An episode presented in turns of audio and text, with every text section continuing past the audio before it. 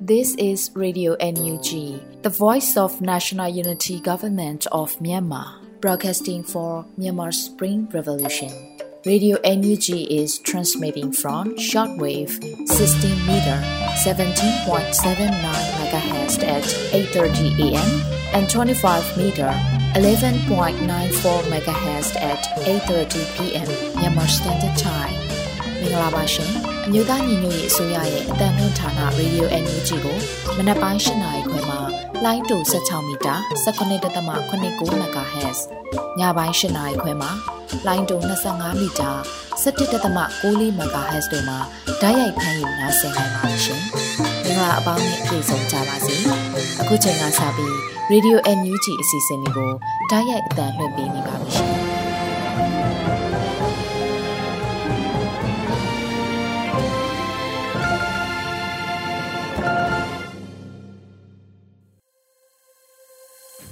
မြန်မာနိုင်ငံသူနိုင်ငံသားအပေါင်းတဘာဝပေးဆရာနာရှင်ပေတို့ကနေကင်းဝေးပြီးကိုစိတ်နှစ်ပါးဘေးကင်းလုံခြုံကြပါစေလို့ရေဒီယိုညူးချီဖွဲ့သားများကဆုတောင်းမြတ်တာပို့သလာရပါတယ်ရှင်။အခုချိန်ကစပြီးကာကွယ်ရေးဝန်ကြီးဌာနရဲ့စီရေးသတင်းချင်းချုပ်ကိုတော့ຫນွေဦးမိုးကဖတ်ကြားတင်ပြပေးပါတော့မယ်ရှင်။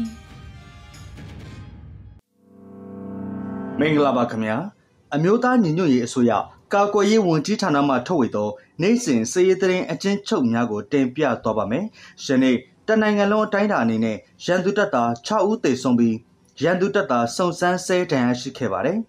။ဦးစွာ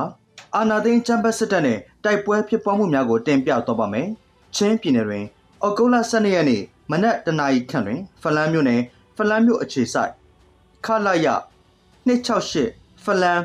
ဒကဆကလေးနမခတရင်ကို ချင်းအမျိုးသားတပ်မတော် CNA နဲ့ CDF KKG ပူးပေါင်းတပ်ဖွဲ့များကဝင်ရောက်တိုက်ခတ်ခဲ့ရာရန်သူတပ်သား6ဦးသေဆုံးခဲ့က MA3 လေးလက်60မမ3လက်စက်တနက်2လက် RPG လောက်ချာ2ခုနဲ့ point 5စက်တနက်ကြီးများကို CNA CDF KKG ပူးပေါင်းတပ်ကတင်ဆဲနိုင်ခဲ့ပြီး CDF KKG မှရဲဘော်စလိုင်းနောက်ဆုံးကြဆုံးခဲ့ကြောင်းသိရပါတယ်။မန္တလေးတိုင်းတွင် အော်ဂုတ်လ17ရက်နေ့မနက်9:25မိနစ်ခန့်တွင်မတရားမြို့နယ်ဝါလုံးပြူရွာတွင်တက်ဆွဲထားသည့်ရန်သူအင်အား40ခန့်ကိုပြင်ဦးလွင်ခရိုင်ပကဖမတရားမြို့နယ်ပကဖပြင်ဦးလွင်ခရိုင်အမှတ်1တက်ရင်ပူပေါင်းတပ်ဖွဲ့များမှ40မမတလုံးဖြင့်ပြစ်ခတ်တက်ခတ်ရာရန်သူဘက်မှ40မမတလုံးလက်နက်ငယ်များဖြင့်ပြန်လည်ပြစ်ခတ်တက်ခတ်ခဲ့ပါတယ်။ဆက်လက်ပြီးအာနာသိန်းအချမ်းပတ်စစ်တပ်ကျွလွန်သောရာဇဝတ်မှုများကိုတင်ပြသွားပါမယ်။ ကချင်ပြည်နယ်တွင်အော်ဂိုလာ17ရက်နေ့တွင်ဝိုင်းမော်မြို့နယ်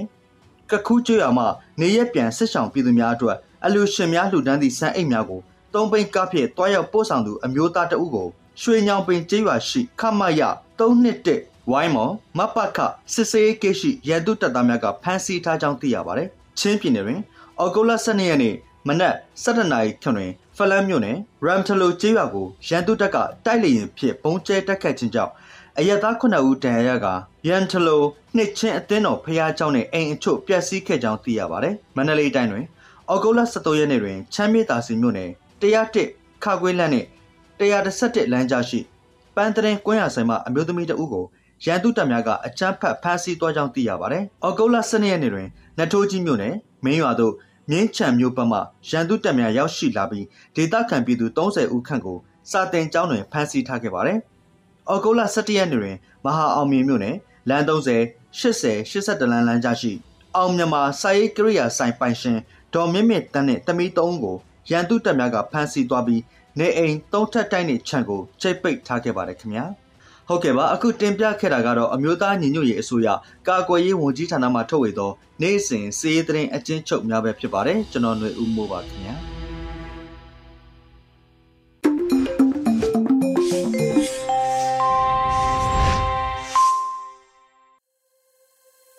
ဗီဒီယိုညူချီရဲ့မနက်ခင်းစီစဉ်တွေကိုဆက်လက်တင်ပြနေပါတယ်။အခုတခါပြည်တွင်းသတင်းတွေကိုတော့နှွေဦးမိုင်ကဖတ်ကြားတင်ပြပေးပါတော့မယ်ရှင်။မင်္ဂလာပါရှင်။အခုချိန်ကစပြီး Radio UNG ရဲ့ဩဂတ်စ်လ14ရက်နေ့မနက်ခင်းပြည်တွင်းသတင်းများကိုဖတ်ကြားပေးပါတော့မယ်။ကျွန်မနှွေဦးမိုင်ပါ။ မထမဆုံးသတင်းအနေနဲ့အမေရိကန်ပြည်ထောင်စုဟာဝိုင်ယီကျွန်းစုရှိမွိုင်ကျွန်းလဟိုင်နာအပန်းဖြေစခန်းမြို့တောမီလောင်ကျွမ်းမှုကြောင့်တေဆုံးပျောက်ဆုံးသူများအတွက်ဝန်နေကြောင်ယာယီသမရဆိုတဲ့သတင်းကိုတင်ပြပေးသွားပါမယ်။အမေရိကန်ပြည်ထောင်စုဟာဝိုင်ယီကျွန်းစုရှိမွိုင်ကျွန်းလဟိုင်နာအပန်းဖြေစခန်းမြို့တောမီလောင်ကျွမ်းမှုကြောင့်တေဆုံးပျောက်ဆုံးသူများအတွက်ဝန်နေကြောင်ယာယီသမရဒူဝါလက်ရှိလာက Twitter မှာဩဂတ်လ23ရက်မှာရေးသားဆိုပါတယ်။မြန်မာပြည်သူများနှင့်အစိုးရကိုစားမော်ဝေမြို့ခံများနဲ့အထူးသဖြင့်ပျောက်ဆုံးနေသူများ၏မိသားစုဝင်များအားဝန်내ကြောင်းပြောကြားလိုပါတယ်လို့ပြောဆိုထားပါတယ်။မွိုင်းရှိလာပါသောမြို့တမြို့၌ယခုသတင်းပတ်တွင်မိလောင်မှုဖြစ်ပွားခဲ့ရာအ ਨੇ ဆုံးလူ89ထက်မနည်းသေဆုံးခဲ့ကြောင်းသတင်းများကဖော်ပြပြီးလွန်ခဲ့သည့်ရာစုနှစ်များတွင်အမေရိကန်၏အသေးအပြောက်အများဆုံးတောမီဖြစ်ကြောင်းသိရပါသည်။ အမေရိကန်ပြည်ထောင်စုဟာမြန်မာနိုင်ငံဒီမိုကရေစီလမ်းကြောင်းပေါ်ပြန်လည်ရောက်ရှိရေးမိဖက်နိုင်ငံတစ်ခုလည်းဖြစ်ပါရဲ့ရှင်ဆက်လက်ပြီးစစ်အာဏာရှင်တလျှောက်လုံးမှာဌာနဆောင်ဝန်ထမ်းလောကအားလုံးမိုးကြရွှေကိုများရှိနေပြီးနှွေဦးတော်လှိုင်းမှာကျွေးကူးရေးပါတော်လှန်ပြစ်ရမယ်လို့ပြည်တော်စုဝင်ကြီးဒေါက်တာတူးခေါင်ပြောကြားတဲ့သတင်းကိုတင်ပြပါမယ်။စစ်အာဏာရှင်တလျှောက်လုံးမှာဌာနဆောင်ဝန်ထမ်းလောကအားလုံးမိုးကြရွှေကိုများရှိနေပြီးနှွေဦးတော်လှိုင်းမှာ ကျွဲကူးရေပါတော်လှန်ပြရမယ်လို့ပြည်တော်စုဝင်ကြီးဒေါက်တာတူးခေါင်မှဩဂတ်လ23ရက်လူမှုကွန်ရက်မှာရေးသားဆိုထားပါတယ်။ကျွန်တော်တို့အစိုးရမှအခြေအနေအရအရက်သားဝန်ထမ်းများမလုံလောက်မှုကြောင့်တော်လှန်ရဲဘော်များလူထုနဲ့ဆက်ဆံရတဲ့နေရာတွေမှာမဖြစ်မနေတာဝန်ယူရတာဖြစ်တာကြောင့်လောလောဆယ်တော့တီးခံရပါလိမ့်မယ်။စစ်အာဏာရှင်တလျှောက်လုံးမှာဌာနဆောင်ဝန်ထမ်းလောကအားလုံးမိုးကြရွှေကိုများရဲ့ အစဲအဆူခံလာရတဲ့ပြည်သူတွေရဲ့ဒုက္ခကိုလည်းကောင်းကောင်းနားလည်ခံစားမိပါတယ်။ဒီတော်လှန်ရေးမှာကျွဲကူးရေးပါတော်လှန်ပြရမယ့်ကိစ္စတစ်ခုလည်းဖြစ်ပါတယ်လို့ဆိုပါတယ်။လက်ရှိမှာဌာနဆိုင်ရာများမှာအကြမ်းဖက်စစ်တပ်ကအရာရှိများကိုအရက်ဖက်တော့ပြောင်းလဲခန့်အပ်မှုများရှိနေပါတယ်ရှင်။ကရင်နီပြည်တိုက်ပွဲများအတွင်စစ်ကောင်စီတပ်များအများပြားသေဆုံး၍တော်လှန်ရေးအင်အားစုများမှ ကြီးစားနဲ့လက်နက်ကြီးကြီးများအပါအဝင်လက်နက်များသိမ်းဆည်းရမိတဲ့အသေးကိုဆက်လက်တင်ပြပါမယ်။ဇူလိုင်လ28ရက်နေ့ကရင်နီပြည်နယ်ဖားဆောင်တိုက်ပွဲတွင်စစ်ကောင်စီတပ်များအထိနာသေးဆုံးကသိမ်းဆည်းရမိတဲ့လက်နက်များကိုဒီမော့ဆို PDF ဒီမော့ဆို PDF 1102ကရုပ်သံနဲ့တကွဖော်ပြထားပါတယ်။ ဩဂတ်လ10ရက်နေ့နဲ့ဩဂတ်လ12ရက်နေ့ဒီမော့ဆိုမြို့နယ်တွင်ဖြစ်ပွားခဲ့သောတိုက်ပွဲတွင်စစ်ကောင်စီတပ်ဘက်မှအနည်းဆုံး20ဦးထပ်မံတေဆုံးခဲ့လို့ထပ်မံတင်ရရှိပါသည်။သိမ်းဆည်းရမိသောလက်နက်များတွင်အနိကပ်ပစ်လက်ပစ်ပုံးများစစ်တနက်များကြီးစံများလက်နက်ကြီးကြီးများကြီးကပ်များပါဝင်ပါရဲ့ရှင်။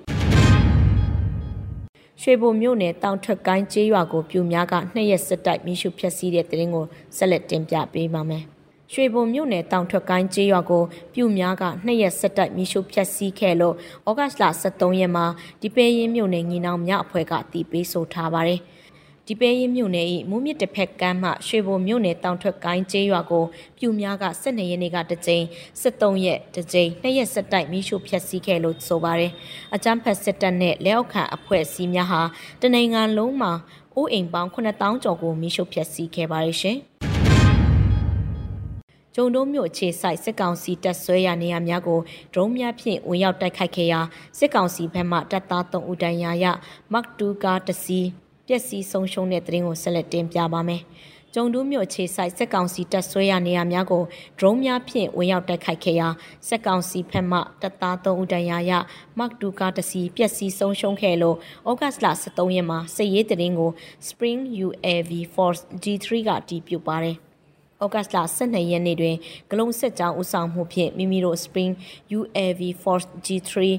Fixed Wings အဖွဲ့အပါအဝင်ပူးပေါင်းအဖွဲ့များမှကျုံတို့မြို့အခြေဆိုင်စစ်ကောင်စီတပ်ဆွဲရာနေရာများကို drone များဖြင့်ဝင်ရောက်တိုက်ခိုက်ခဲ့ရာစစ်ကောင်စီဖက်မှတပ်သား3ဦးတန်းရာရကမတ်တူကားတစီပျက်စီးဆုံးရှုံးမှုနဲ့အတူတက်ရင်မှုကြောအားဆေးရုံတင်ထားရလို့ဆိုပါတယ်စစ်ကောင်စီတက်ရင်မှုကြောဤ အခြေအနေမှာစိုးရင်ရဖွယ်ရှိသည်ဟု၍လည်းကြားသိရပါတယ်။စစ်ကောင်စီဖက်မှလက်နက်ကြီးများဖြင့်ဆင်ချင်မဲ့စွာပစ်ခတ်မှုကြောင့်အရက်သား2ဦးထိခိုက်ဒဏ်ရာရရှိခဲ့ပါတယ်ရှင်။ဒိုင်အိုမြို့နယ်ဝါကာမဏိကျေးရွာရှိမိုင်တယ်တာဝရိုင်ဖောက်ခွဲခံရပြီးလာရောက်စစ်ဆေးသောစစ်ကောင်စီရင်နှန်းအားမိုင်းဆွဲတိုက်ခိုက်ရာအ내ရောင်ကားတစ်စီးထိခိုက်ပျက်စီးသွားတဲ့တဲ့ရင်ကိုဆက်လက်တင်ပြပါမယ်။ ပဲခူးတိုင်းတိုက်ဦးမြို့နယ်ဝါကာမဏိကျေးရွာရှိစစ်တပ်ပိုင်းမိုင်တယ်တာဝါတိုင်းအားဩဂတ်လ12ရက်ည9:18မိနစ်အချိန်တွင် UG အဖွဲ့များမှဖောက်ခွဲတိုက်ခိုက်ခဲ့ရဖြစ်ပြီးအထဲရှိ operator ပုံးနှစ်ပုံအနက်တပုံးမှာလုံးဝပျက်စီးသွားပြီးကြံတပုံးမှာမီးလောင်ခဲ့ပါတယ်။ဩဂတ်လ23ရက်နနက်6နာရီခန့်တွင်စစ်ကောင်စီရင်နှန်း3စီးလာရောက်ဆက်စစ်စဉ်မိုင်းဆွဲတိုက်ခိုက်ခဲ့ရာစစ်ခွေးများမှဂျမ်ဘာအုံပြုထားသည့်အတွက် အသွားတွင်ဖောက်ခွဲ၍မရဘဲစစ်ကောင်စီရင်နှံအပြန်ကိုထပ်မံဆောင်ဆိုင်ပြီးအခြားနည်းဖြင့်အုံပြုကထပ်မံမိုင်းဆွဲတိုက်ခိုက်ခဲ့ရာ Honda Fit အနက်ရောင်ကားတစ်စီးထိခိုက်ပျက်စီးသွားခဲ့ကြောင်းသိရှိရပါတယ်။အဆိုပါတိုက်ခိုက်မှုကို Salt Checkers Yangon Underground Force နဲ့ Nine Star UG အဖွဲ့တို့မှပူးပေါင်းလှုပ်ဆောင်ခဲ့ခြင်းဖြစ်ပြီးအဆိုပါ UG ရဲဘော်လေးများအားလုံးတစ်ဆိုင်ရာလွတ်မြောက်နေမြေနေရာသို့လုံခြုံစွာ ဘေးကင်းရောက်ရှိသွားပြီးဖြစ်ကြောင်းသိရှိရပါတယ်။နောက်ဆက်တွဲသတင်းအရ Honda Fit အနက်ရောင်ကားပေါ်ပါရဲတအူထိခိုက်ဒဏ်ရာရထားပြီးစေယုံတင်ထားရကြောင်းသိရှိရပါတယ်ရှင်။ရမပင်ထဲမှာပြည်သူပိုင်တစ်များကိုခိုးထုတ်ရန်လာရောက်သည့်အင်အားတရာပါစစ်ကောင်စီစစ်ကြောင်းကို ULF တပေါင်းစုမှပြစ်ခတ်တိုက်ခိုက်၍စစ်ငါးဦးထပ်မံတေဆုံးတဲ့သတင်းကိုဆက်လက်တင်ပြပါမယ်။ ရမပင်ထဲမှာပြည်သူပိုင်တစ်များကိုခိုးထုတ်ရန်လာရောက်သည့်အင်အားတရာပါစစ်ကောင်စီစစ်ကြောင်းကို ULF တပေါင်းစုမှပြစ်ခတ်တိုက်ခိုက်၍စစ်ငါးဦးထပ်မံတေဆုံးခဲ့လို့ဩဂတ်လ23ရက်မှာ ULF တပေါင်းစုမှစစ်ရေးတရင်ကိုအတည်ပြုဆိုပါရယ် NUG ၏တယံဇာတာနှင့်တဘာဝပတ်ဝန်းကျင်ထိန်းသိမ်းဝင်ကြီးဌာနမှမြို့နယ်တွင်ရှိမိဘတင်ပြည်သူများကိုထောက်ပံ့ပေးလျက်ရှိသော ပြည်သူပိုင်တစ်များကိုခိုးထုတ်ရန်လာရောက်သည့်အင်အားတရားပါစစ်ကောင်စီစစ်ကြောင်းကိုကျွန်တော်တို့ ULF တပ်ပေါင်းစုမှဩဂတ်လ6ရက်မနေ့9နာရီမှစပြီးတရက်ထဲတိုက်ပွဲအကြိမ်ရင်9ချိန်ထက်မနည်းတိုက်ခိုက်နိုင်ခဲ့ပါတယ်လို့ဆိုပါတယ်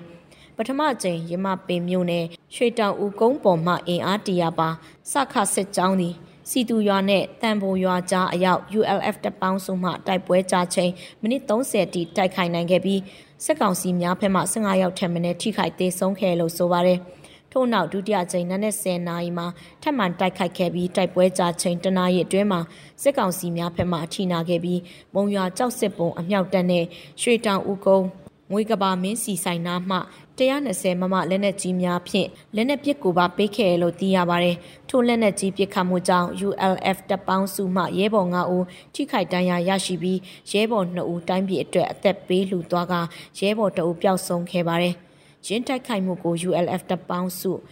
KLG စစ်ကြောင်း Comrade စစ်ကြောင်း Alpha စစ်ကြောင်းတို့ပါဝင်ခဲ့ပါတယ်ရှင်။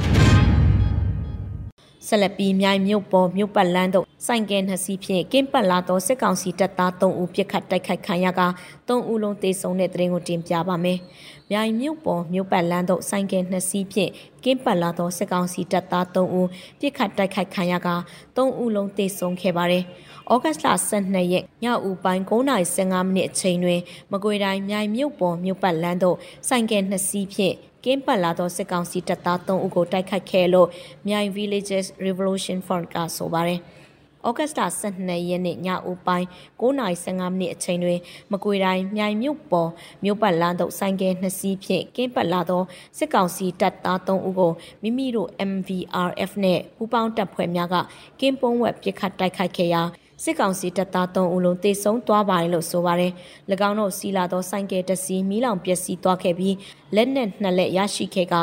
MVRF နဲ့ပူးပေါင်းတပ်များဘေးကင်းစွာဆုတ်ခွာနိုင်ခဲ့ပါတယ်ရှင်။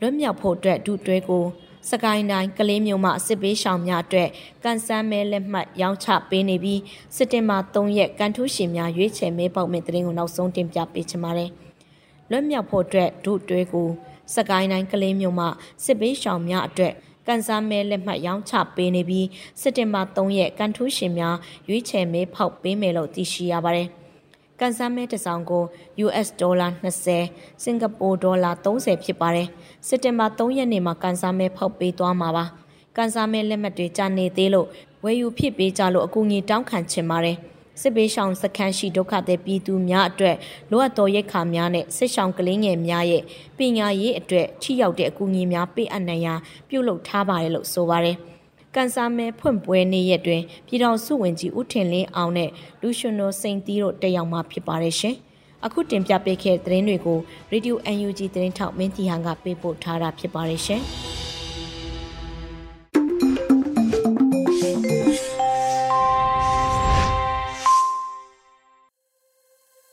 ရွရွညူချီရဲ့မနက်ခင်းစီစဉ်တွေကိုဆက်လက်တင်လွှင့်ပေးနေပါတယ်။အခုဆက်လက်ပြီးနားဆင်ကြရမှာကတော့တော်လှန်ရေးကြပြအနေနဲ့ကေမိုးရေးသားပြီးနှွေဦးမိုးရုပ်ဖတ်ထားတဲ့တမိုင်းတခိထုစစ်ခဲ့တဲ့နှွေဦးလူအမည်ရတဲ့တော်လှန်ရေးကြပြကိုနားဆင်ကြရတော့မှာဖြစ်ပါတယ်ရှင်။တမိုင်းတခိထုစစ်ခဲ့တဲ့နှွေဦး။အော်နှစ်ကာလတွေပြန်တွက်စစ်ကြည့်တော့မှာ။ 10ခုနှစ်40နာကတ်နေပြီဘာမှမဖြစ်သလိုနေထိုင်ရင်ပြန်တွေးမိတော့ရင်ထဲမချိအောင်နာတယ်တန်ရာတွေနဲ့ရေတက်ဖို့အလေးအကျင့်ရခဲ့ပလင်ပေါ်ကမြောက်ထိုင်ရမထသေးသမျှတို့အနာကရှေ့ရီကမသေးခွဲကဲအရွယ်တစ်ခုအထွက်ပြိုင်တူတွန်းကြရအောင်ငါတို့အားလုံးဟာ တက်ဦးကခေါင်းဆောင်တွေကြီးပါအတ္တတစ်ခုအထွက်ပေးဆက်ခံရတဲ့ဘဝတွေလွတ်လပ်ခြင်းအထွက်မလွတ်လပ်မှုများစွာနဲ့ဖြတ်သန်းဟေးဒီမှာရေတကုံလိုကိုလန်းကိုပေါက်ပြီးသွေးနဲ့ရင်းမှရလာမဲ့တမိုင်းအသက်အတွက်ကိုအလောင်းကိုထမ်းပြရစီတေတဲ့အထိတော်လန်ကြမယ်ရှစ်လေလုံးစိတ်တနေခေမိုး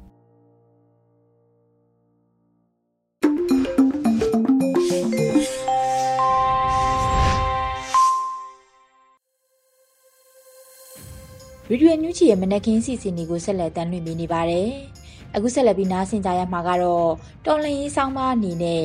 နောင်ရိုးရေးသားပြီးတခင်အန်ရွတ်ဖတ်ထားတဲ့မင်းအောင်လိုင်အတွက်လိုသုံးဖြစ်ခဲ့တဲ့စိုးထုအပါဝင်စစ်ဘူကြုံများလို့အမည်ရတဲ့ဆောင်းပါးကိုနားဆင်ကြရတော့မှာဖြစ်ပါတယ်ရှင်။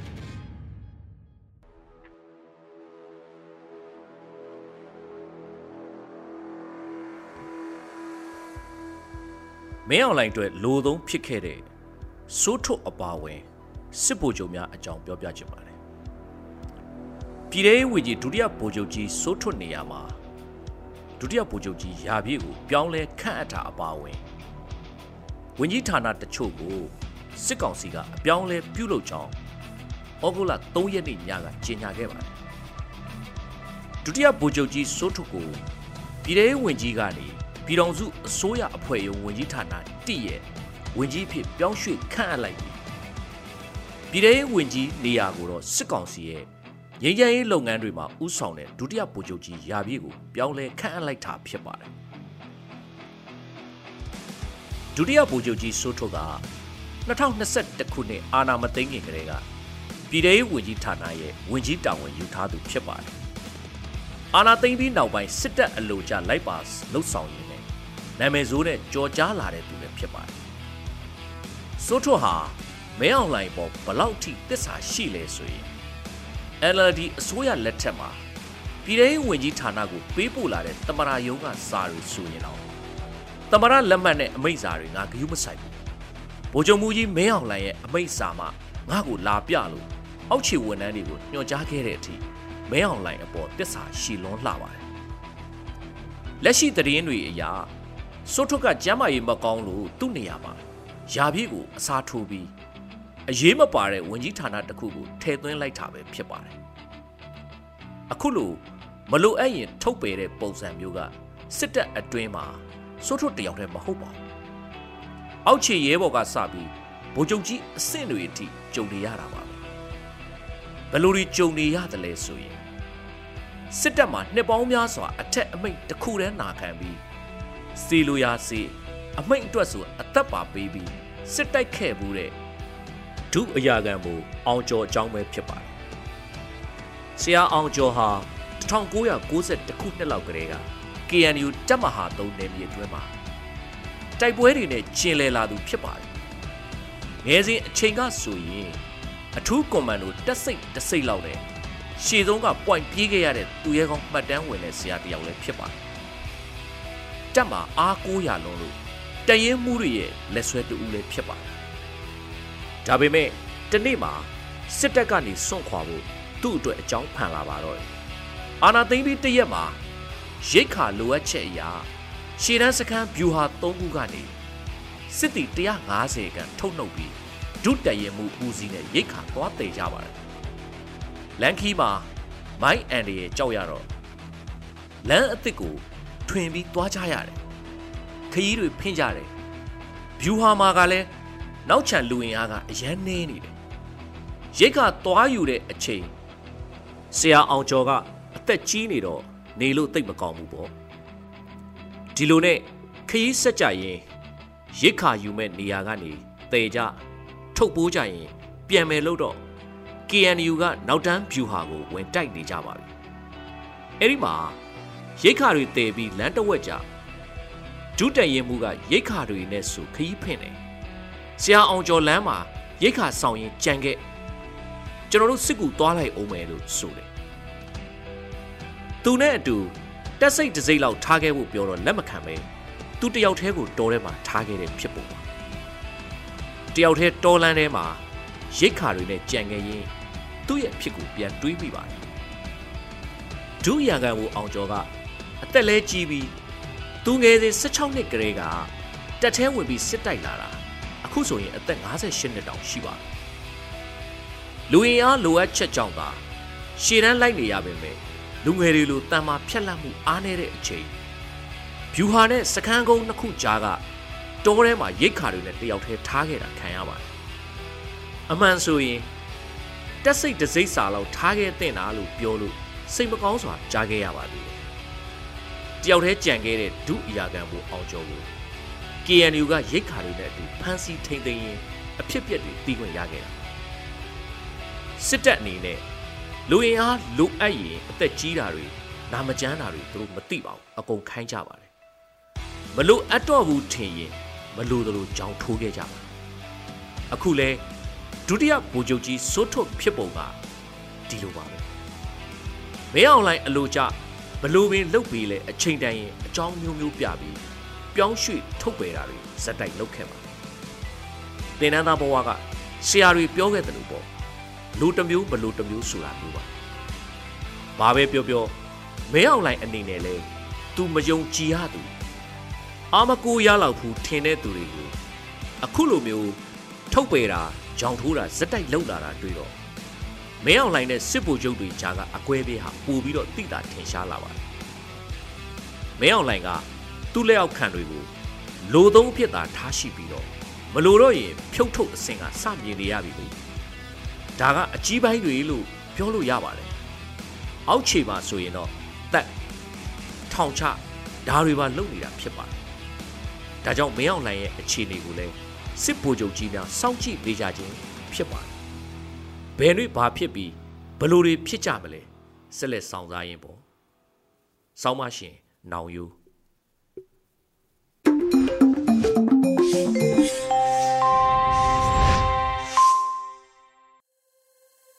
တော်တာရှင်များရှင်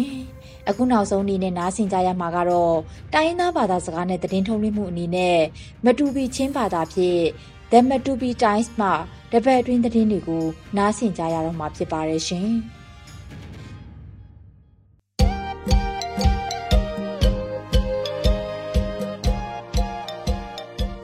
ปีทามลงกุดบอยกันตูกูอากาศราเอลบีก็อุลทางสนาตาดังกบังละกเพลอมนี้ประคัดนาฮักข้ากูปุยกาไฮสคูลนัมเบอร์ทรีสิงอินตาอุงตินะก็ปัญหานามัดปีเป่งฮัลตูคูอะทิงกุ้งกบุงโลอบุดงะทางประคัดดึปฐมนา National Defense Force CNDF กับ training ให้ตาแทนซาลาซาอยู่ท้าย Palina, Vice President U Henry Van Thiauta, NLD Party Kwilong Adumsa, Pangana, Palawa Penga Kutani Yadonga Kuminti Imlo Posi, Parukna, Mindat Penga Pilnam Khalkhil Khakta, Mindat INDP Komatilo Bomna Apek Tabang Mula, Chen National Council Ko Asanu, Tika Kongwe Te Hula Omni.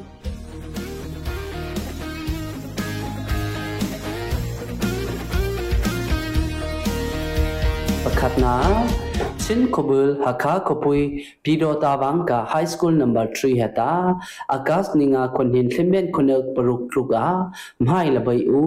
heka singim ung he barung le ung tingon ta ming thai la om than de mai thi yung khaklo chi hamla mato ne hlo tala khokung ka pilnam thang pakhat lunga thui ပနိနာမထွေပင်ဟလ်တူကိုဝထောင်းနိကုလထုမ်အကတ်နိစရီကုနင်အိုင်ခုံတူခနပနိဝေငါ kulan kuli he bang ayat donga aim hai ka thingkung te ayung longa bungti im khui ka ko om im kung pa long hon akum som nga kum ni ta phoi de ayu te ko thingkung ka bung lo abo ti bangha ana donga tuisi to yamla mat pi siung a thaku asi tak asa khakta tong pa pan hi hota pakhat tela ul thang yak la om ပထုမနာထောင်းနီကုလထုမအာကာစနီရက်ဖေငါချင်း National Defense Force CNDF တမဟာတူလိုအမောတိတမဟာတူခွေက basis training တင်တန်အဝိနှိနတဲ့စရင်စာလာကဆိုင်ထိုင်စံတလာဥလ်ထန်ယက်လာအုံးပလီနာထောင်းနီလကုလထုမဇူလိုင်ဆွမ်ထုမနိခါဒစစ်ကောင်စီလိုအဆိုင် National Defense Force နဲ့ Security Meeting အကထုမ Vice President U Henry Van Thiauta NLD party longa kadum saksan tila akas nikwa NLD kung sutka Central Committee benlo sa ha ဦးဟန်ရီဗန်သျေဝဟတာထောင်းနီလက်ထေရုကလမ်ကလိုထောင်းနီကုလခတ်ဟီလာပါလီမန်ဟမ်ဥပအုံကိုဘီဘီလာ vice president ဟဲအပိကလအုံဒီ khakka khalla kom sikang sine bungyong tihe mula omdonga thongni kulethum agas ni reda NLD Central Committee ngultunna kathum khakka natak na khang ne u Henry Van Thiau he party khuilam kalo akhe sang tala ulthang atha ula om pangana palawa penga julai ni kulin sri longa akas ni sri hila khu katlan he bhang ayat donga khu amin bung mu la klaran tuiwa pui he tui bhang alen donga ko pui ka im thekhat ko pu si tala palawa christian emergency response ben longa atung sa akahok im lo long im sana he tlai ham ko mu a om donga bom nan nampe ko thai ham la tala sa tha parukna mindat peng IDP ke management committee longa mindat peng khui ka pilnam khalkhil khak ne mukha khri pui do nga khaina akatong kha kham tangka ne tuisi angen te bomna kape ko thai tela akas ni sha ul thang thala om bomna ape ko ta fanyong ne bum thak thilweng ka akho วง คงโคกะเซงอิมแต่เวงกะอากดึกขังประคาดอิมโลปูสีขกเนมูคาคลีปุยดงะขายนักตงขกกุดโคกะเสปอปิลน้ำขกเนอังเงตุยสีลายนะหามลาติติโฮมาติงชินหิสมกว่าประคาดจัดเนกบมูตลาอุลทางอัฐาลาอมมินัดเป็นคุยอากัสทาอตงลงะขุลานตุยเลน khomin khothi kho bahang tlu hang tilam kho ul thang yak la om mindat peng khuya federal democracy ya se ve nga ma ne ma pai ti ram asa ding thai na ham ne along im akhui thai na ham la ram tle ram khui ka ko om bai ne su the ti alen bikla chen national council cnc mindat the thong ni kulathum akas niruga asunu tela ul thang yak la om มดพิชามอตังกันตุนขัดสัวสาลองไงนะก็คือนมังตรงเซนซาดิงเซ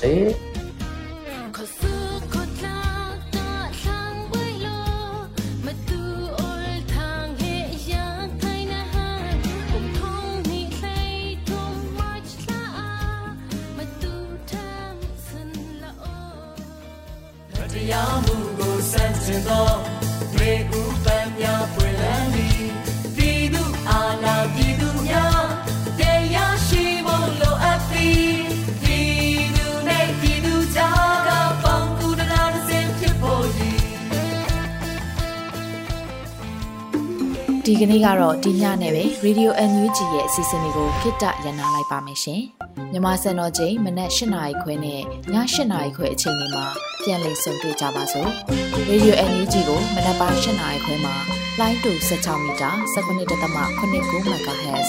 ညပိုင်း၈နာရီခွဲမှာလိုင်းတူ25မီတာ17.6 MHz တို့မှာဓာတ်ရိုက်ဖမ်းလို့နိုင်စေနိုင်ပါပြီ။ မြန်မာနိုင်ငံသူနိုင်ငံသားတွေကိုစိတ်နှပြ